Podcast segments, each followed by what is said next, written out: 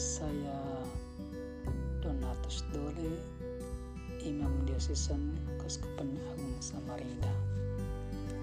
Ini memperkenalkan diri sebagai orang yang ingin belajar terus dari segala hal demi kebaikan untuk diri sendiri maupun memotivasi orang lain dalam berbagai hal khususnya dalam bidang pendidikan.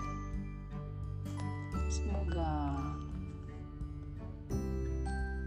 podcast PDF Motivation ini bermanfaat.